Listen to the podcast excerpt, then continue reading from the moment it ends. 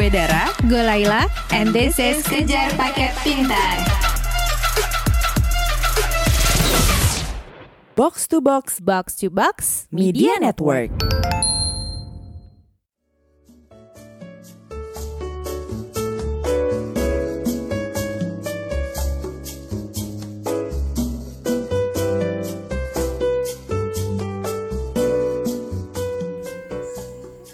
Hari ini gue sama Laila ada lagi ada di Galeri Salihara Art Mm-mm. Center Ya. di Jakarta Selatan. Kita lagi mau ngeliat pameran seni rupa judulnya Three for Plastic Hearts. Kita udah ada dalam ruangan galerinya nih sekarang.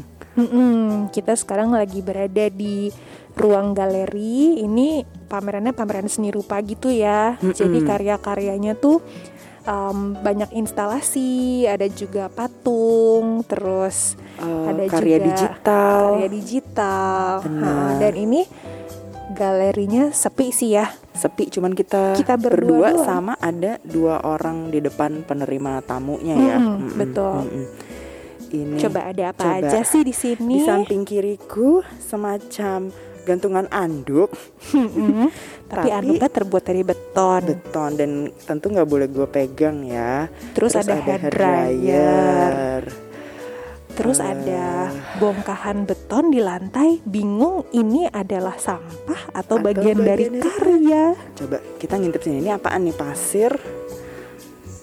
Pasir. Yang bikin gue grogi di eh, pameran seni Bener. tuh suka gitu dar suka nemu barang terus rancu ini tuh karya seni atau bukan. barangnya orang lain atau sampah atau gimana misalnya Kayak- gue lagi jalan terus nemu kulit pisang kan ragu-ragu mau gue buang Bener. takut harganya miliaran ini karya seni Bener. orang kayak yang sekarang nih di hadapan gua eh pas ada pasir jenis-jenis pasir terus di dalam pasirnya tuh ada alat-alat gadget-gadget ada laptop laptop gadget-gadget lama pager aja ada.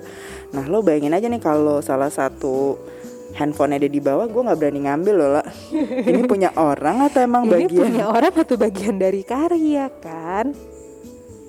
Ini tuh pertama kali kita datang ke sebuah pameran seni setelah pandemi ya Dar ya? Benar dan ini sih gue sih rasanya menyenangkan banget ya bisa akhirnya ngelihat pameran langsung lah gitu. Benar karena em, apa namanya kegiatan-kegiatan seni secara virtual itu sebenarnya nggak menggantikan kegiatan seni yang dirasakan secara langsung gitu ya. Apalagi performance art kan kayak seni tari seni teater. Teater itu iya banget kayak walaupun pandemi ada versi online-nya, versi virtualnya, tapi rasanya kan beda ya Dar ya. tetap nggak nggak tergantikan sih lah Tapi di pandemi ini memang em, industri seni tuh kasihan sih Dar ya, Iya, iya. karena iya banget mereka itu terpuruk tapi nggak dibantu sih sama negara gitu kan saat pandemi tuh eh, mereka yang paling pertama terpuruk tapi eh, paling belakangan dibantu lah Bener. gitu ibaratnya. dan gue rasa itu karena orang masih ngelihat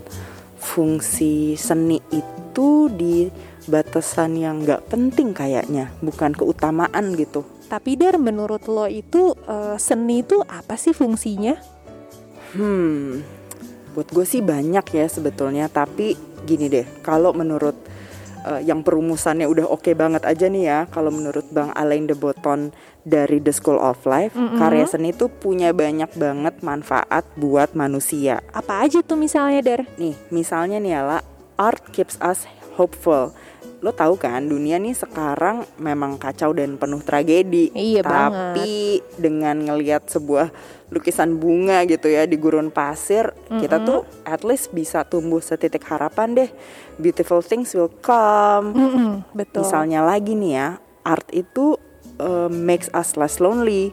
Jadi kalau kita lagi sedih, kita kan cenderung pengen nyetel lagu sedih ya lah, Uh-uh, terus atau benar. deklamasi uh, puisi sedih. Iya. Nah sebetulnya tuh bukan karena pengen nyiksa diri sendiri, tapi karena karya-karya seni itu tuh ngingetin bahwa perasaan sedih normal kok, itu kondisi uh, manusia gitu. Jadi em, nggak usah merasa kesepian seolah-olah paling patah hati sendiri dan lu tuh aneh tuh enggak gitu. Bener sih, masuk akal. Jadi karya seni itu bisa ngebantu kita um, ngelihat bahwa kesedihan itu normal ya. Kalau lo mau tahu lengkap sebenarnya bisa nonton aja sih video YouTube-nya eh, Bang Alain ini di channel School of Life. Hmm. Tapi pokoknya intinya Bang Alain Deboto nih yakin seni bisa jadi support system untuk mental health kita. Tapi ya itu tadi sayangnya bidang kesenian sering diremehin di Indonesia. Banget. Plus seniman sering dilihat sebagai profesi yang kurang berguna gitu ya Iya. eh, di Indonesia. Mungkin karena eh, profesi seni di Indonesia tuh dianggap belum bisa ngasih keamanan finansial. Iya. Kan omongan klisenya kamu mau jadi seniman, mau makan apa nanti? Ih, itu iya banget. Apalagi pas pandemi 2 tahun terakhir ini ya. Iya. Nah, soal pandemi nih ya, beberapa waktu lalu eh, website The Conversation ID bikin penelitian riset kolektif bareng Universitas Gajah Mada dan University of Melbourne soal kondisi para seniman Yogyakarta selama pandemi lah. Oh, kayak gimana tuh Dar? Nah, hasilnya banyak dari mereka yang harus berpaling ke sektor usaha lain Mm-mm. untuk bertahan selama pandemi. Karena kan penghasilannya berkurang sementara uang simpenannya makin habis. Jadi harus cari cara kan. Iya. Jadi kehidupan seniman yang udah berat di pandemi ya tambah berat lagi ya Dar. Tapi mereka tuh bertahan loh, La. Mungkin Hmm. nyari sumber, mungkin mereka cari sumber pemasukan dari sektor lain ya. Iya. Tapi yang pasti mereka nggak pernah ninggalin dunia seni walau cobaannya bertubi-tubi. Menurut gue mereka tuh tangguh banget. Pas banget Dar. Di episode ini kita akan nyimak cerita soal ketangguhan dari para seniman. Salah satunya adalah Yosep Prihantoro Satsuitubun alias Ocep dari Jakarta. Hmm, siapa tuh lah? Kalau lo ngeliat Ocep, mungkin lo bakal ngira dia adalah seniman seni rupa atau seni musik. Jadi misalnya gue bilang, Ocep nih seniman lo Dar. Mungkin lo akan ngira dia seniman-seniman itu ya. Padahal dia adalah seorang seniman tari. Kenapa gue nggak bakal nyangka dia penari lah atau seniman tari? Karena tubuhnya besar dan gemuk Dar. Masalahnya masyarakat Indonesia cuma nerima seseorang sebagai penari kalau tubuhnya langsing kan. Nah gimana tuh perjuangan Ocep untuk tetap hadir di skena tari? Nanti kita share ceritanya ya. Asik. Tapi sebelum kita bertemu Ocep, gue mau bawa lo berkunjung ke Ubud, Bali. Thank you.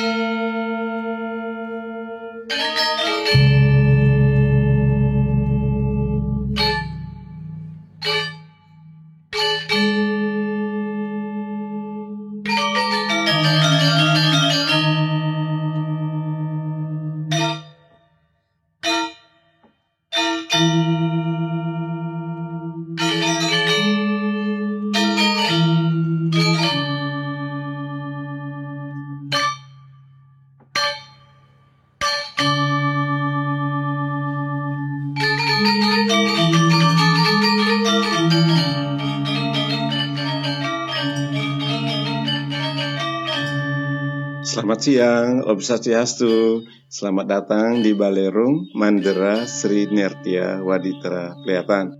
Om Swastiastu. Wah, ini sanggar apa, Dar? Om Swastiastu. Ini tuh Sanggar Balerung Mandera Sri Nertia Waditra di Desa Pelihatan Ubud Bali lah. Oke. Kalau kita ke Ubud, kita tuh bakal nemu banyak sanggar kesenian aktif yang udah berdiri selama beberapa generasi. Termasuk Hmm. sanggar ini nih lah. Oke.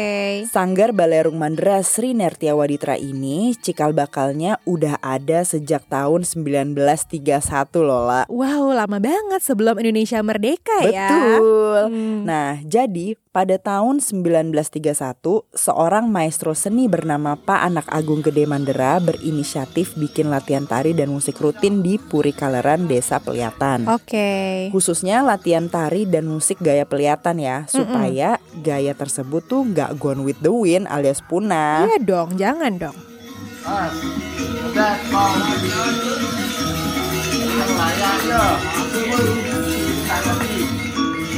Raya, yuk, Raya, terus, terus, terus, terus, terus, terus. Terus.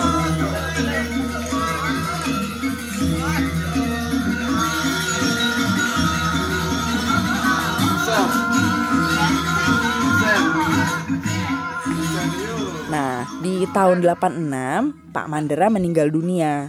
Sejak meninggalnya Pak Mandera, kegiatan seni di Puri Kaleran jadi agak mandek Oh. dan tempatnya juga mulai nggak layak dipakai latihan. Tapi untungnya nih, salah satu putra Pak Mandera yang merupakan seorang arsitek kemudian membangun sebuah gedung sanggar. Eh, supaya kegiatan-kegiatan seni yang dimulai sama almarhum bapaknya ini bisa terus lanjut dan ada tempat yang layak lah. Oke. Jadi di tahun 2000 jadi deh gedung sanggar Balerung Mandra Sri Nertiawaditra ini. Jadi putranya Pak Mandera tuh meneruskan apa yang dimulai bapaknya ya, Dar? Bener lah, putra Pak Mandra itu bernama Anak Agung Oka Dalem. Biasa dipanggil Pak Agung. Beberapa waktu lalu, Tria berkunjung ke sanggarnya dan ngobrol-ngobrol sama beliau. Oke. Pagi Om Swastiastu Pak. Oh iya, iya tiang triang nggih. Nggih, tiang Dengan Agung nggih. nggih. Ibu Om Swastiastu saya triang dengan Ibu Ibu Agung. Ini ini adik saya, ini adik. Iya. Saya Tria dan Pak Monto eh, dari eh, podcast Kejar Paket Pintar. Oh. Iya. Iya. Iya. Ya, Iya. dulu. Oh, oke, ada sedih, ada anak. Iya, iya, iya. Iya, iya.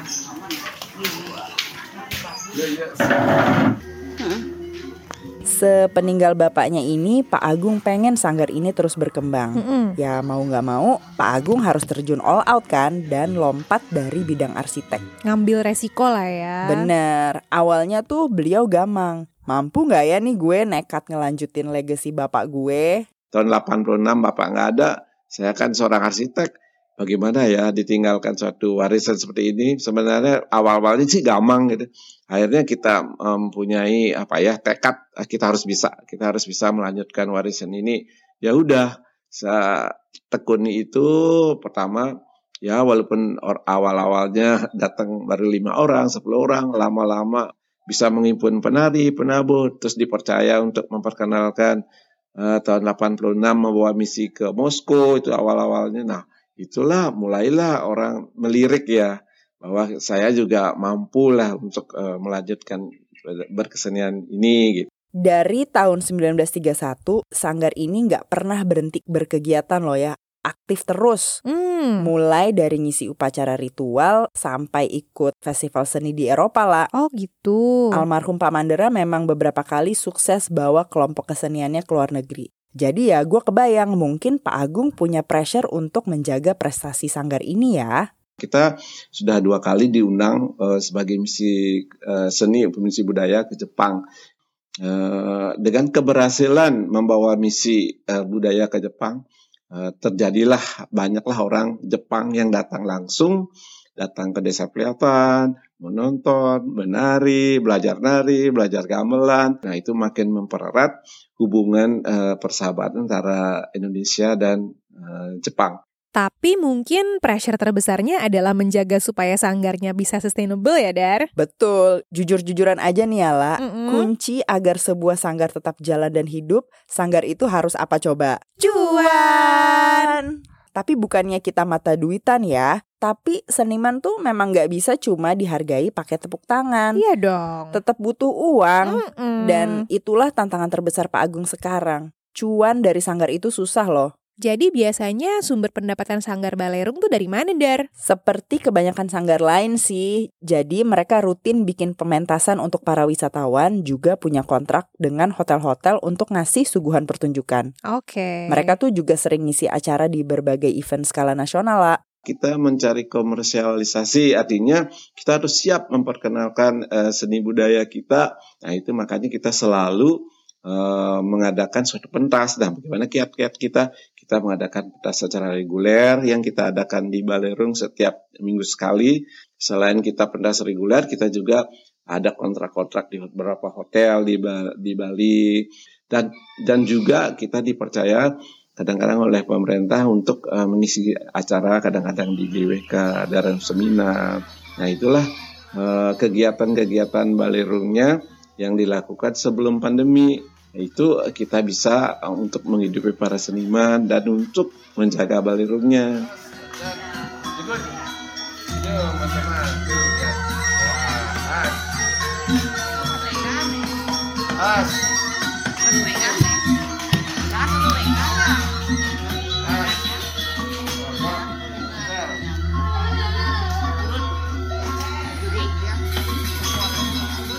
Tapi waktu pandemi gimana Dar?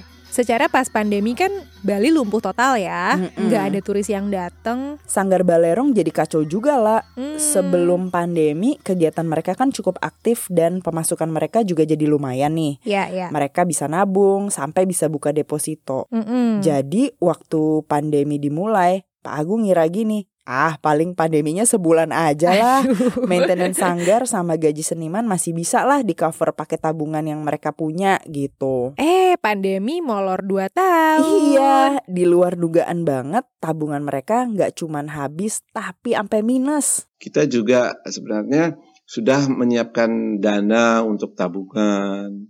Perkiraan kita dat- tiba-tiba datanglah pandemi. Eh, Kita pikir mungkin satu bulan, dua bulan cukuplah dananya yang sudah kita persiapkan. Ternyata ini sampai dua tahun kita. Jadi kita betul-betul kekurangan dana dari dana yang eh, kita persiapkan untuk eh, biasanya untuk menalangi. Jadi kita betul-betul eh, mulai dari nol kita sebenarnya menari sih bisa, tapi kan tidak bisa beraktivitas. Gimana gimana kita bisa hidup karena tidak sama sekali tidak ada pemasukan. Gue nggak tahu ini untungnya apa mirisnya ya. Iya ya. Tapi sebagai orang Indonesia, kita kan terbiasa cari akal untuk nyelamatin diri kita sendiri ya, La. Mm-mm, banget karena nggak bisa ngandelin pemerintah ya. Betul, makanya selama pandemi Pak Agung juga bersiasat sendiri supaya Sanggar Balerung nih tetap hidup. Kita mulai eh, belajar untuk me- mengetahui bagaimana yang kekinian. Makanya kita mencoba me- memberi pendidikan lewat online. Itu seti- setidaknya kita bisa senang sedikit bisa ketemu teman lewat online. eh, bisa membantu teman-teman juga bisa membantu keberadaan keberadaan balerungnya di dalam manajemennya bagaimana walaupun sifatnya sangat kecil tetapi eh, sangat membantu. Jadi penyelamat pertama mereka adalah internet dan kegiatan daring ya Dar? Yoi, untung bidang pekerjaan mereka masih bisa dibikin kegiatan virtualnya ya.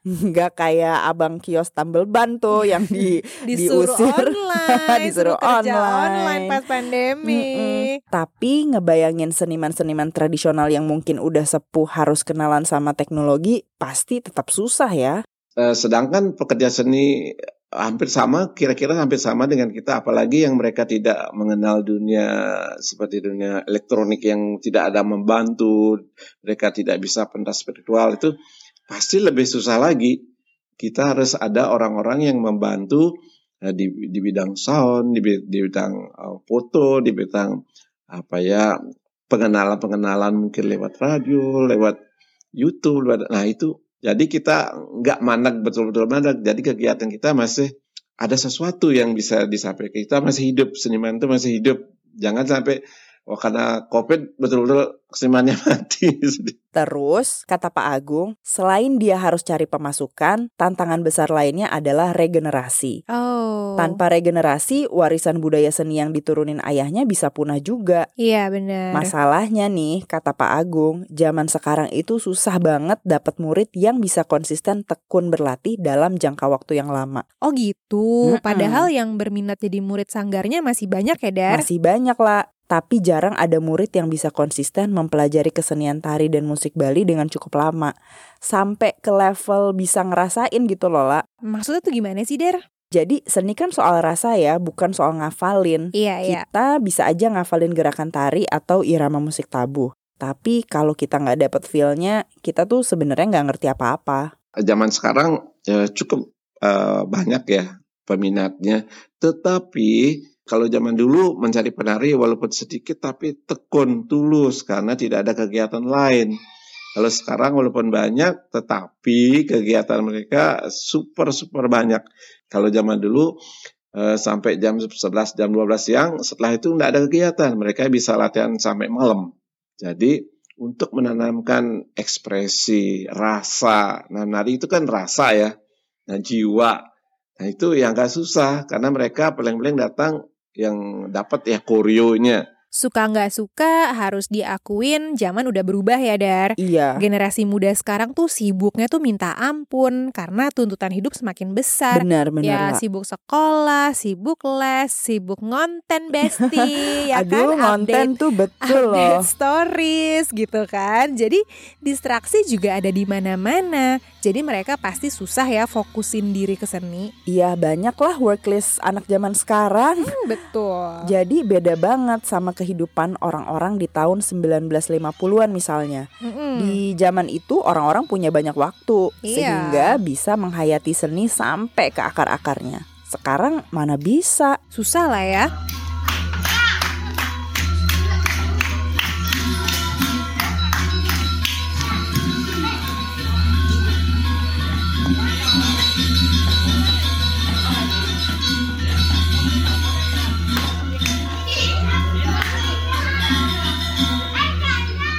Tapi penasaran deh, kenapa sih Pak Agung segitu setianya mengabdi pada seni? Nah, jangan lupa lah, buat orang Bali, seni tuh bukan sekadar hiburan atau kebutuhan tersier ya. Seni adalah kebutuhan primer dalam hidup mereka. Betul juga sih. Di Bali kan kesenian tari dan musik bukan cuma hadir di gedung kesenian di waktu-waktu tertentu, Mm-mm. tapi dipraktekin hampir setiap hari dalam berbagai kegiatan masyarakat dan upacara agama. Iya benar. Bener-bener dari mereka lahir sampai meninggal lah. Kita harus bisa mengabdi. Apa sih di dalam hidup yang kita bisa eh, sumbangkan, artinya persembahkan untuk eh, masyarakat, untuk sang pencipta, karena sudah kita dilahirkan oleh sang pencipta ke dunia. Nah, salah satunya karena di Bali adalah budaya. Budaya itu sangat erat hubungannya dengan upacara. Jadi, jadi eh, itulah yang sangat eh, erat hubungannya antara seni tabuh, seni tari dibutuhkan di dalam perlengkapan suatu perkara, baik yang sifatnya untuk hiburan, baik sifatnya untuk tarian-tarian sakral. Nah, untuk itulah anak-anak itu Pokoknya di- bagi orang Bali dunia ini panggung lah ya. Iya. Iya, jadi tari dan musik itu bagian dari kehidupan sehari-hari orang Bali banget sih, bener. Kayak bernafas gitu. Benar-benar lah. Selama prinsip ini masih dipegang, gue yakin sih Dar, kesenian Bali nggak akan punah. Amin. Pas. Udah, mau. Layak, yo. Layak, yuk, layak terus, terus, terus, terus, terus, terus, terus. Terus.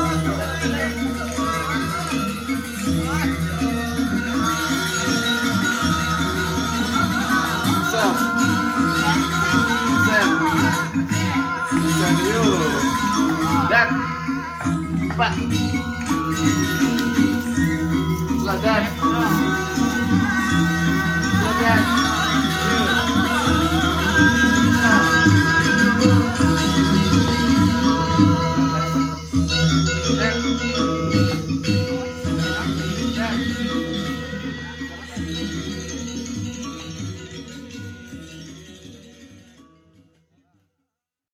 Apakah kamu pernah diremehkan?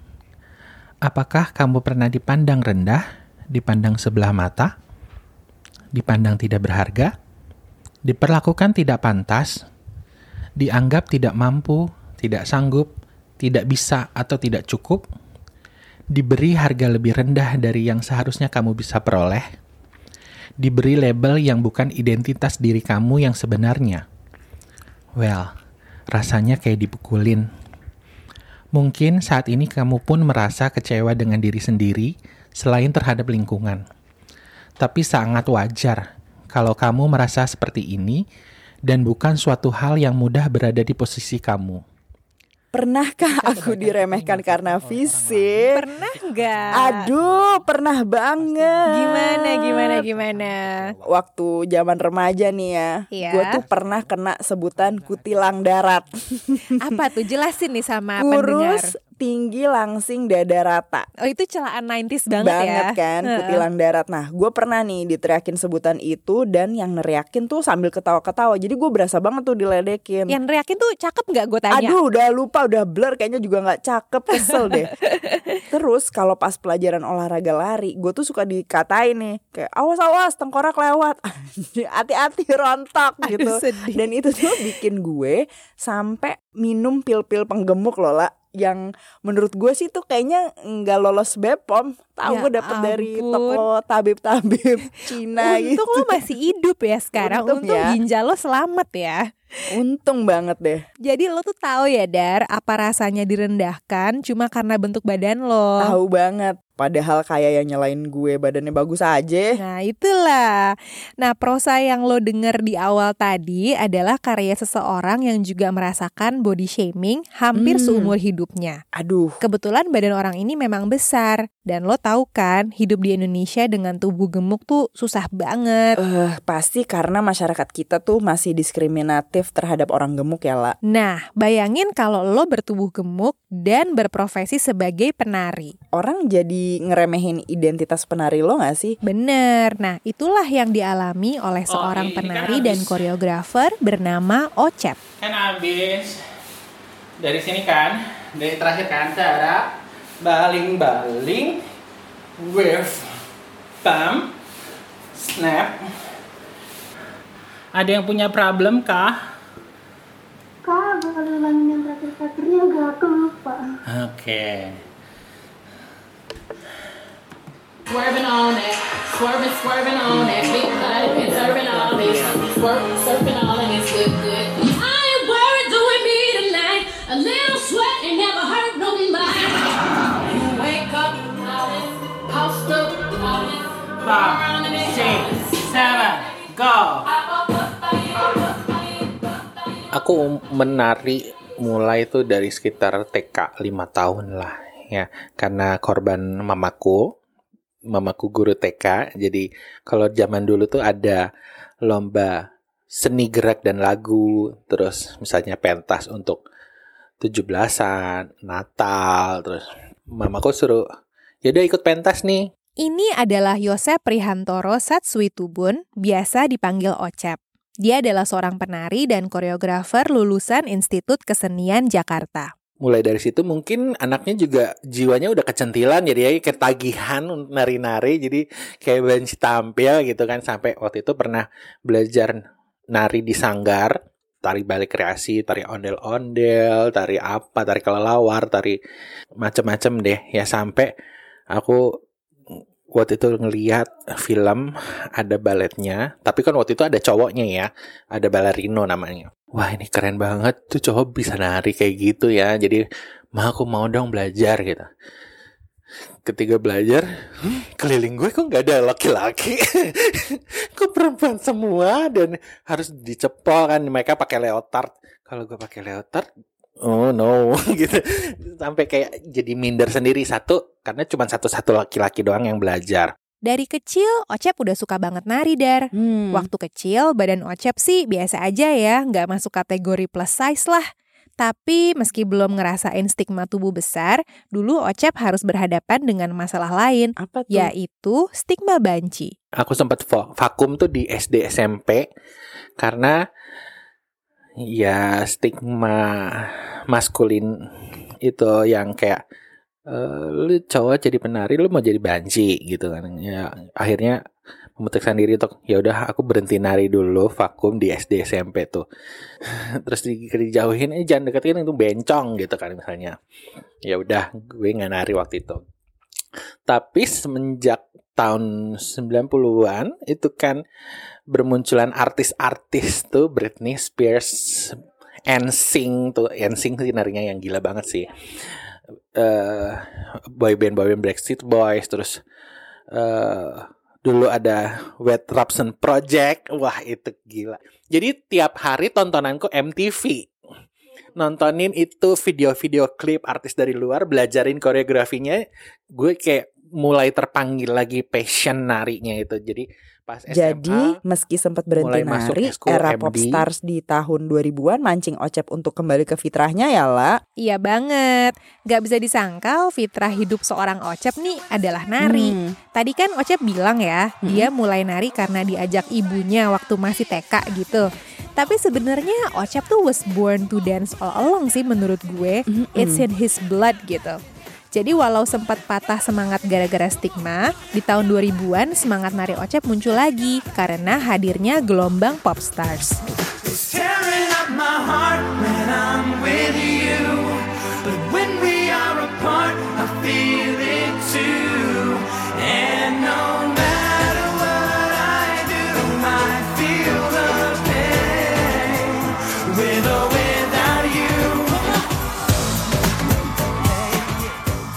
Jadi pas SMA, Ocep tuh langsung gabung ekskul Modern Dance Dar alias MD dan aktif ikut lomba antar sekolah.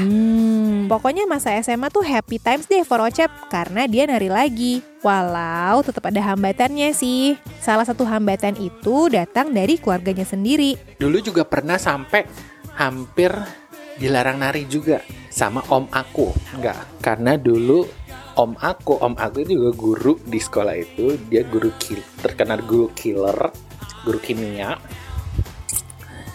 Sampai jadi mungkin jadi bahan omongan guru-guru di eh, ruang guru. Mungkin om gue nggak mau denger itu, jadi kayak udah lo berhenti aja MD gitu. Sampai aku sampai berantem sama mama. Kenapa sih? Emang salahnya di apa gitu?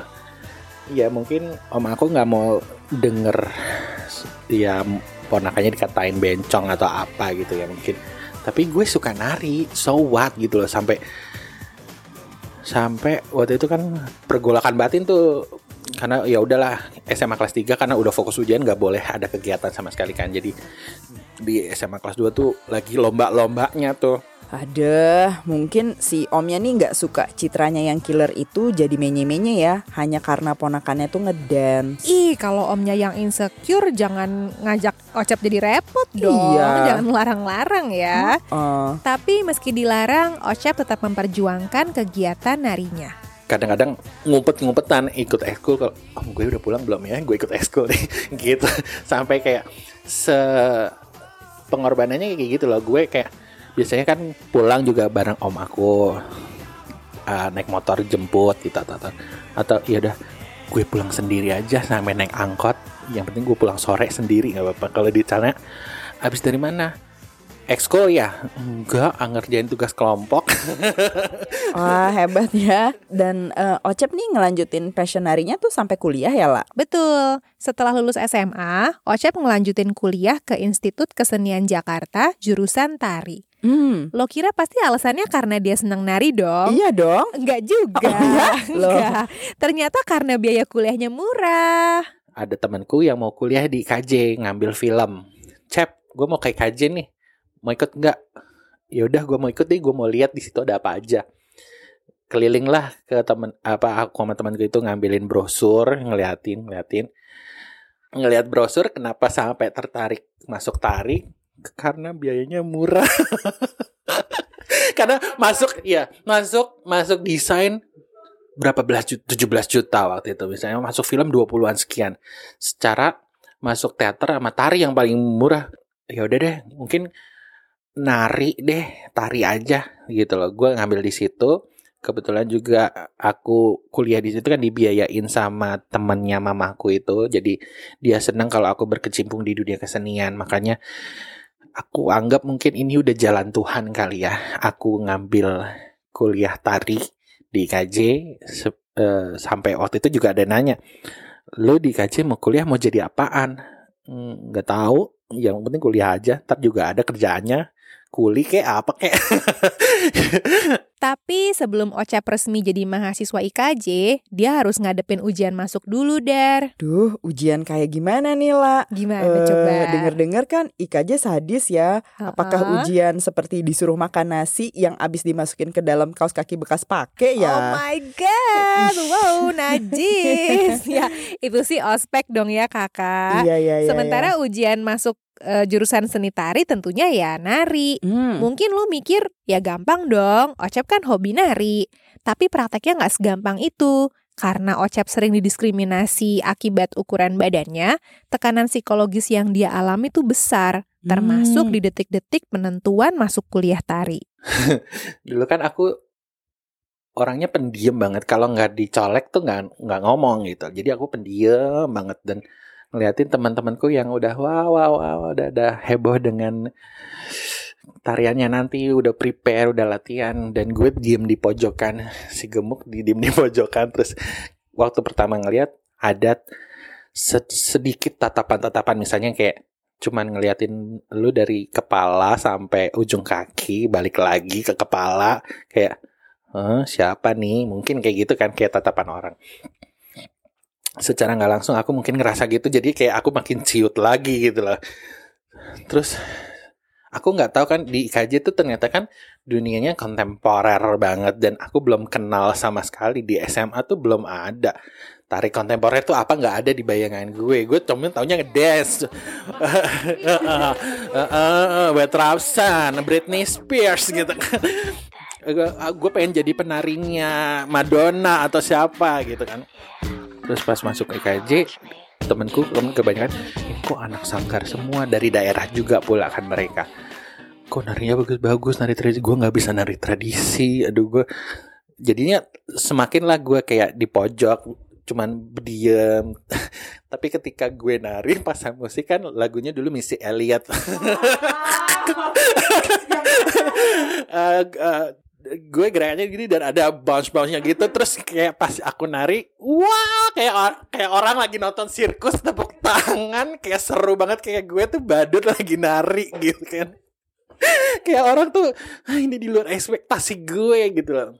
Dalam hati dalam hati kan ya iya ini gue gitu loh. Ya gue bi gu- bukan nggak bisa tapi kan gue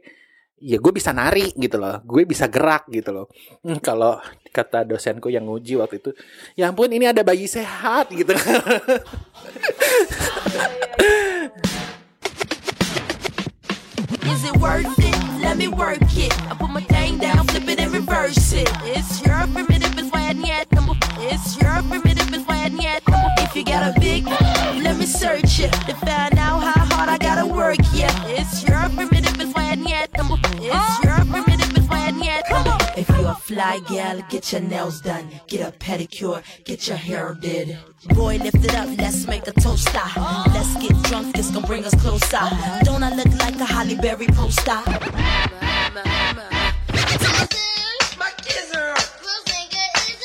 Okay. Once upon a time in College Park, where they live life fast and they scared of dark.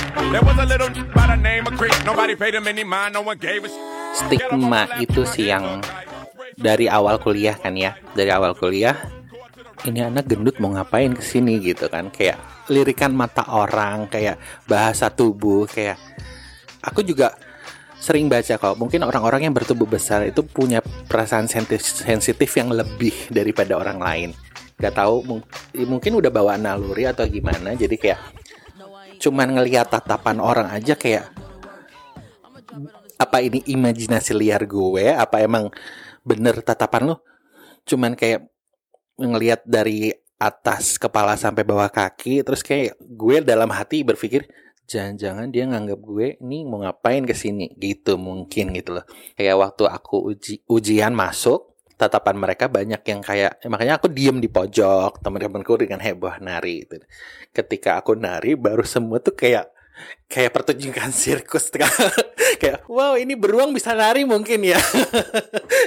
Iya itu yang udah sering yang aku rasain kayak udahlah diremehkan ya udah biasa. Cuman kan dalam hati kan selalu berkata ya lu belum tahu siapa gue nggak apa-apa gitu. Nanti ada waktunya kok lu tahu siapa gue gitu Kalau di sinetron nih udah saatnya adegan suara hati yang kedengaran keras. Hmm, Tunggu pembalasanku, Roy. dengan kamera zoom in zoom out gitu ya. Bener. Tapi anyway, sebetulnya badan Ocep tuh sebesar apa lah?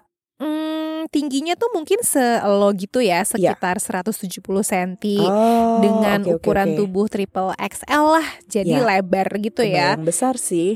Gak ada yang salah ya dengan ukuran badan Ocep. Yang salah adalah pandangan bahwa orang gemuk itu malas, rakus, dan gak bisa nari. Itu semua stigma sosial yang udah basi lah. Iya. Tentunya Ocep bisa banget nari. nggak hanya dari tatapan mungkin kayak eh, pengalaman misalnya ya eh, kayak temen gue diajak gue nya nggak bukan iri sih enggak ya cuman kayak jadi berkecil hati gitu loh kayak kecewa. Apakah ada yang salah di diri gue gitu? Apakah gue narinya nggak bagus? Apakah bener-bener karena gue gemuk gitu loh karena nggak diajak gitu jadi kayak ya udahlah mungkin bukan jalan gue sebagai penari tapi ketika ada orang yang memberikan aku kesempatan untuk uh, membuktikan aku bisa nari gitu lah dengan baik ya aku lakukan sebisa mungkin se sebaik mungkin. Jadi kayak aku selalu berpikir ya kita sama-sama makan nasi gitu loh. Ya lu bisa kenapa gue enggak? gitu loh. Cuman masalah batas uh, di badan doang gerak tuh nggak nggak jadi sesuatu problem gitu loh. Buktinya kayak misalnya ada orang kurus misalnya mesplit dia susah dan gue bisa-bisa aja gitu loh. Uh, mau cartwheel mau salto aku juga bisa gitu loh stigma sosial terhadap ukuran badan besar tuh masih kuat aja loh hari gini. Sayangnya gue pernah baca dar diskriminasi terhadap orang gemuk tuh udah jadi endemi. Hmm. Artinya diskriminasi itu akan selalu ada di masyarakat. Akibatnya orang yang berbadan besar itu selalu keras ke dirinya sendiri. Kayak hard on themselves gitu loh. Hmm. Mereka merasa usaha mereka dalam belajar, kerja, atau berkarya harus berlipat-lipat kali lebih besar dari usaha orang lain memang effortnya tuh dengan tubuh besar tuh tinggi banget kayak kuliah olah tubuh teknik tari itu berat badan itu emang ngaruh. Tapi gimana caranya lu mengatasi problem di diri lu sendiri ya kayak gue harus bisa ngejar gue harus bisa ngejar gitu. Semua butuh perjuangan kalau mau menuju satu titik gitu loh. Bakat cuma sekian persen tapi karena latihan gitu loh. Practice makes perfect gitu loh Sikap Ocep sejalan lola dengan tulisan akademisi dan psikolog Angela Duckworth dalam bukunya Grit. Oh, itu buku legendaris ya yeah. yang menjabarkan sains dari ketangguhan ya, Dar? Iya, kata buku itu, kunci kesuksesan tuh bukan di bakat atau keunggulan fisik. Bakat atau keunggulan fisik tuh bisa ngebantu sih ya. Iya. Misalnya kalau ada atlet lompat tinggi yang berkaki jenjang, mm -hmm. lompatnya pasti jadi lebih gampang. Iya. Tapi mesti ingat, tanpa banyak latihan yang baik, dia nggak mungkin sukses jadi atlet. Hmm. Kalau kata aktor Will Smith, bakat itu sesuatu yang kamu miliki secara alami, tapi keterampilan hanya bisa dikembangin dengan latihan selama berjam-jam. Seperti yang Ocap lakukan ya. Betul. Dia latihan terus karena practice makes perfect, mm -mm. terlepas dari ukuran badannya. Yoi. Nah, Angela Duckworth juga bilang, Without effort, our talent is nothing more than your unmet potential. Jadi tanpa ketekunan dan usaha keras, bakat kita tuh nggak bakal muncul dan nggak bakal ngebawa kita ke mana-mana. Dan menurut gue, untuk bisa jadi tekun ngasah skill, kita harus bisa selalu bangkit tiap ketemu rintangan. Alias bersikap resilient ya, La. Waktu jadi mas nah, mahasiswa baru atau adik kelas, nari bareng senior, itu kan juga biasa diteriakin. Kalau kita salah, eh bisa nari gak sih lu? Yang bener gitu. Tolol banget sih gitu kan. Ya kayak menegur-menegur gitu loh kayak apakah lu tidak bisa melakukan yang baik? gitu loh. Sama misalnya jadi asisten Korea tuh sering dimanfaatkan. Terus pernah nggak dibayar? Misalnya gue yang ngajar tapi dia yang terima uangnya gitu kan. Kayak ya udahlah ini mungkin rasa rasa sakit yang harus gue alamin gitu loh. Rasa uh, gimana lu mau kuat kalau lu nggak ngalamin sakit gitu ya udahlah lu habiskan dulu masa sakit lo lu habiskan dulu kegagalan lo biar lu menjadi berlian suatu saat misalnya kayak gitu kan. Duh, sadis juga ya hidup jadi penari lah. Duh banget, kalau gue tuh kayaknya nggak bakal kuat deh. Aduh. Memang dunia pertunjukan tuh dunia yang keras loh, Dar. Iya, iya, iya. Kerja fisiknya berat, upahnya sering kali nggak sepadan, mm -mm. dan lingkungannya sering kali toksik. Bener. Sebagai penari dan koreografer, Ocap nggak cuma sekali dua kali dipermalukan atau disakiti hatinya. Ini salah satu pengalamannya. Aku lagi melatih tari massal gitu. Uh, terus yang punya cara itu gimana sih yang itu yang di tengah tuh? Nggak bisa ngatur apa yang goblok! Dan itu satu stadion denger dan ngelihat ke gue kan.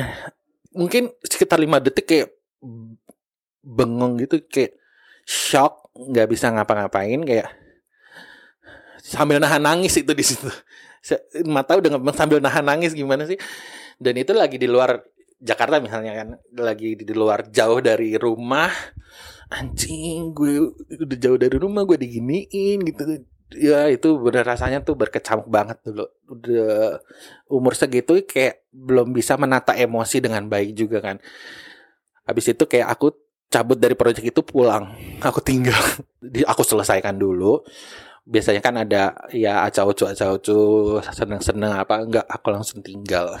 Iya itu sampai seminggu tuh gue kayak stres sendiri gitu kayak apakah harus kayak gini cara cara menegur orang? gitu loh. Itu yang itu yang makanya aku berusaha sampai sekarang kalau misalnya aku punya asisten atau misalnya aku lagi kerja bawahanku melakukan kesalahan ya aku berusaha tidak mempermalukan dia di depan umum.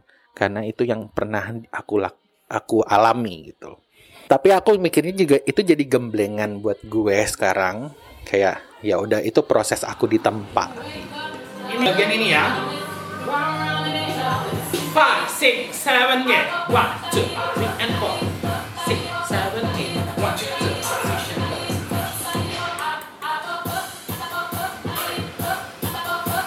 Oke. Ya, tambah sedikit ya.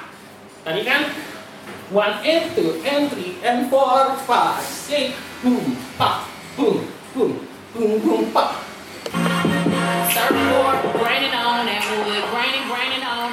Waktu itu aku pernah ngelamar kan pekerjaan HRD-nya udah diterima terus dikirim ke sekolahnya langsung kan waktu ketemu ke kepala sekolah kan ketemu kepala sekolah permisi bu saya dari HRD ini disuruh ke sekolah ini untuk ketemu ibu maaf pak saya nggak nyari guru olahraga bukan bu saya bukan guru olahraga saya guru tari oh emang bapak bapak bisa nari gue tuh kok jadi berempati banget ya lah sama Ocep. Gue kesel banget sama budaya fat shaming dan fat discrimination yang udah mengakar di masyarakat kita nih. Gue juga dar. Bahkan menurut sebuah studi, orang gemuk tuh udah masuk ke dalam kelompok marginal loh.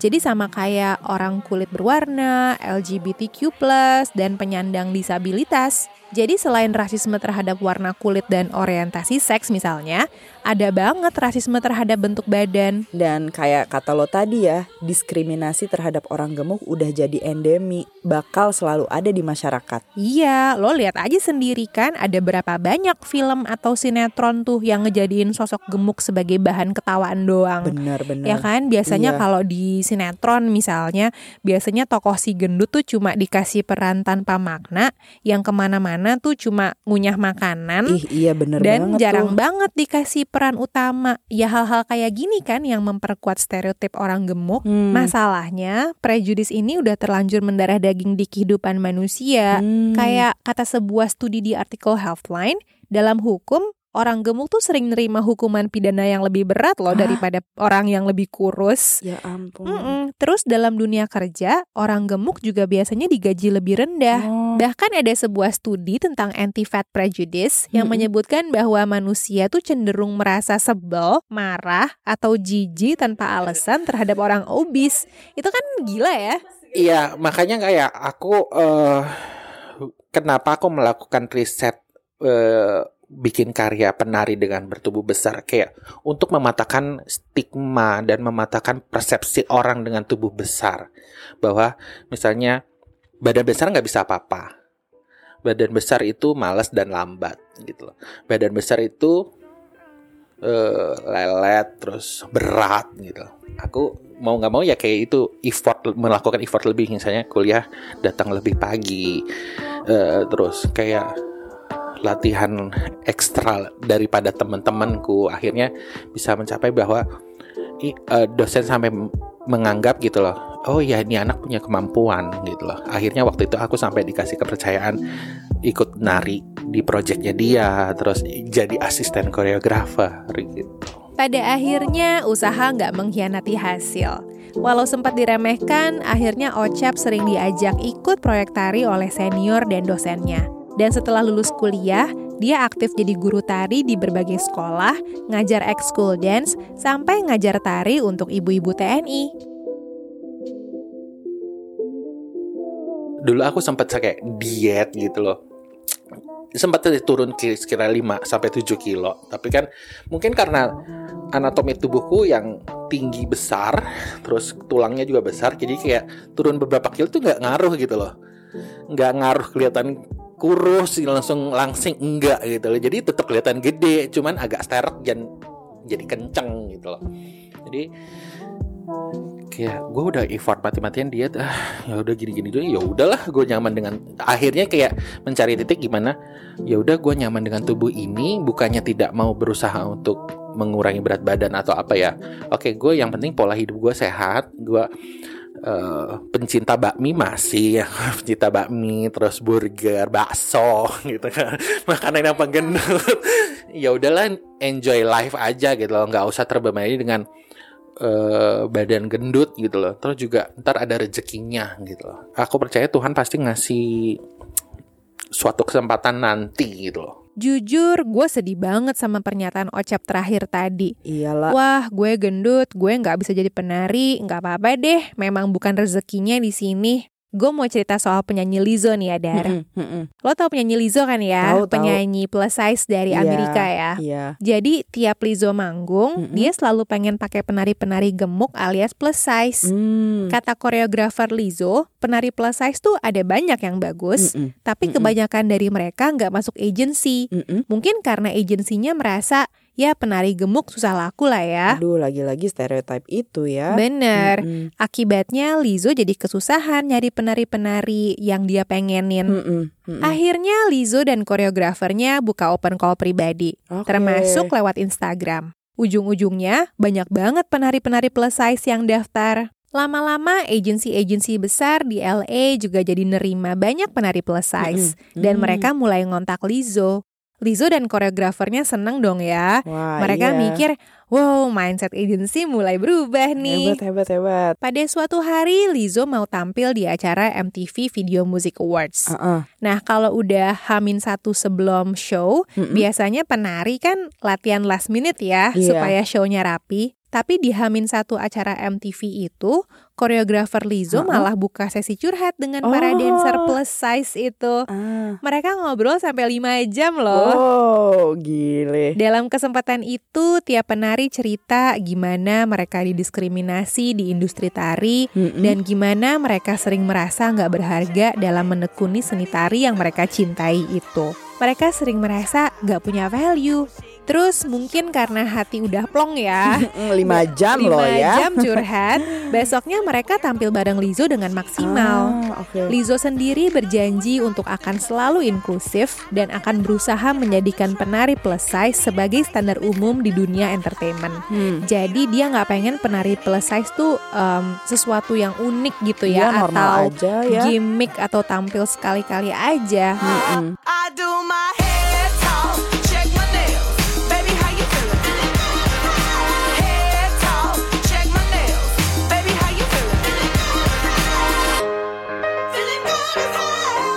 Nah gue tuh pengen banget dar masyarakat kita bisa lebih terbuka dan inklusif kayak gitu. Mm-mm. Gue pengen loh Ocep bisa diterima sebagai penari, kena spotlight gitu ya. Mm-mm. Bukan hanya sebagai guru atau koreografer di belakang panggung. He deserves the spotlight Setuju loh. banget. Masa dia gagal dapat kesempatan tampil cuma karena alasan cetek?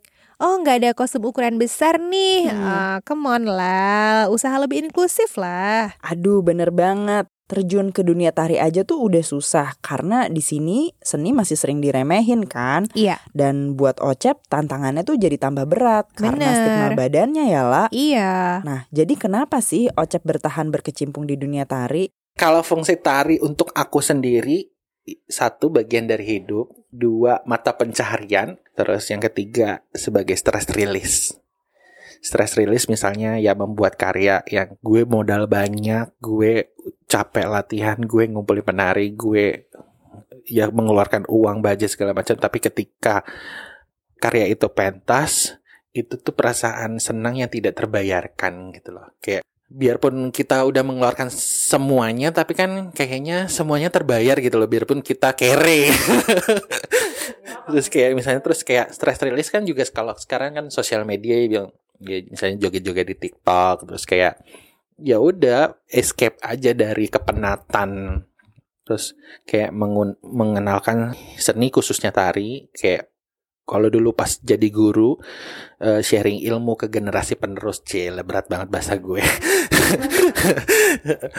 karena aku berprinsip bahwa ilmuku memang harus di-sharing. Dan aku kan punya cita-cita suatu saat aku punya sekolah tari atau komunitas gitu tapi dari anak-anak yang kurang mampu. Karena kan biaya misalnya kalau bayar pelatih kan mahal banget masuk sanggar tuh punya kos yang besar harus beli baju beli sepatu beli apa.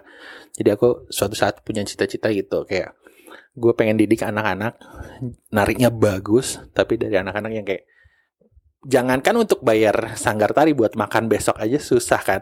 Apalagi stigma orang tua ngapain sih apa yang bisa lu dapat dari dunia seni lu buat makan aja susah gitu loh. Lu harus memperbaiki hidup lo dengan mencari pekerjaan yang layak.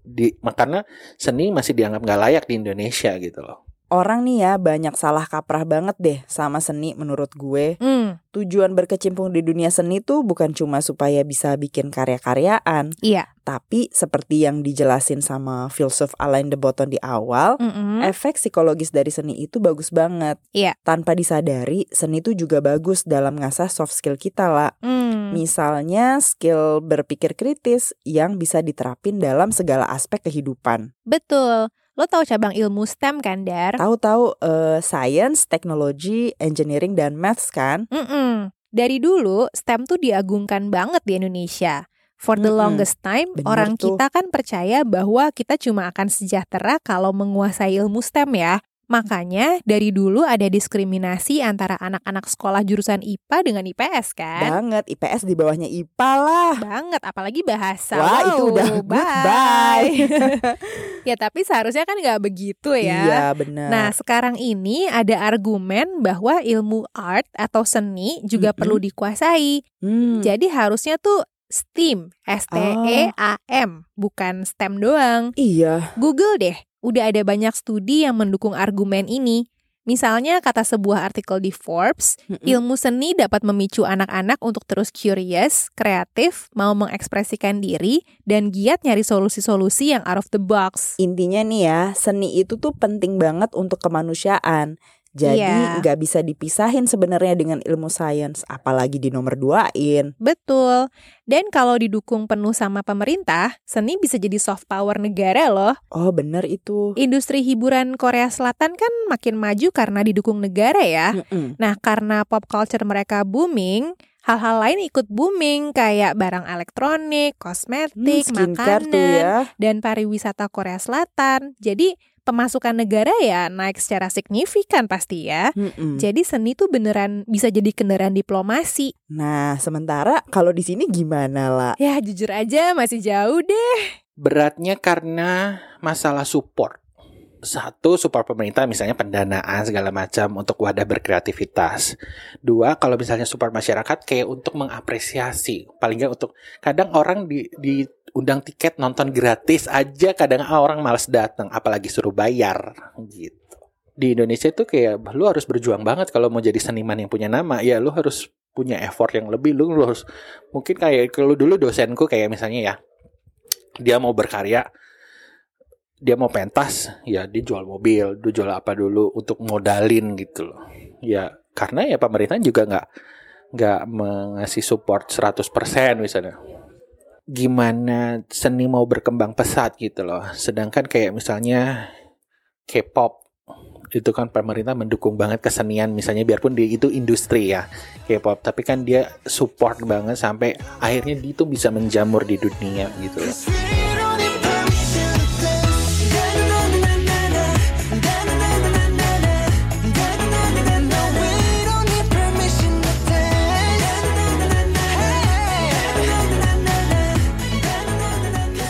minim dukungan negara dan justru penuh tantangan, Ocep tetap cinta sama dunia tari. Hmm. Dia bilang pandemi pun gak mematahkan semangat dia berkarya. aku kan sering misalnya nggak diajak siapa-siapa nyari panggung susah tapi kalau kayak di pandemi sekarang kayak aku ngambil sisi positifnya oke gue nggak diajak koreografer siapa untuk berkarya atau di panggung pertunjukan nggak ada kesempatan tapi sekarang di pandemi ini semuanya digital aku juga jadinya gampang untuk membuat platform sendiri gitu loh. Lu mau nari di media sosial siapa pun yang nari ya udah. Siapa pun yang nonton juga nggak masalah. Mau nonton mau ada. Kayak misalnya orang kayak bikin pertunjukan. Yang penting dia ada platformnya kan. Kalau misalnya penontonnya ada apa enggak ya dia tetap nari kan. Sama aja sekarang halnya kayak misalnya aku bikin uh, tarian di YouTube atau misalnya di IG IGTV gitu. Begitu juga dengan Pak Agung dari Bali. Karena beliau punya keinginan kuat untuk mempertahankan sanggarnya sekaligus kesenian Bali, beliau jadi luas banget menghadapi berbagai rintangan, ya kayak air sungai luas mengalir lewat berbagai bebatuan lah. Kalau udah cinta sama sesuatu, kita pasti tangguh menjalankan hubungan dengannya. Di pandemi ini kayak rencana tuh kacau sekacau kacaunya rencana manusia gitu loh kayak ya udah ngikutin rencana Tuhan aja. Yang penting sampai kapan aku harus berguna buat orang, pasti Tuhan pakai gitu. Jadi kayak aku percaya manusia harus melewati rasa sakit untuk menjadi rasa untuk menjadi kuat dan tangguh. Kayak habiskan nggak apa-apa kalau sekarang kayak gue mengalami masalah rasa sakit, pergumulan atau apa pun yang ya itu proses tempaan gue, ya gue menghabiskan jatah jatah gagal gue Kejar Paket Pintar diproduseri oleh Laila Ahmad, Dara Hanafi, dan Tria Ningsih. Support kami dengan follow dan like semua akun podcast dan media sosial Kejar Paket Pintar. Jangan lupa dengerin episode-episode lain dan share ke teman-teman kamu ya. Gue Laila. Gue Dara, dan ini adalah Kejar Paket Pintar.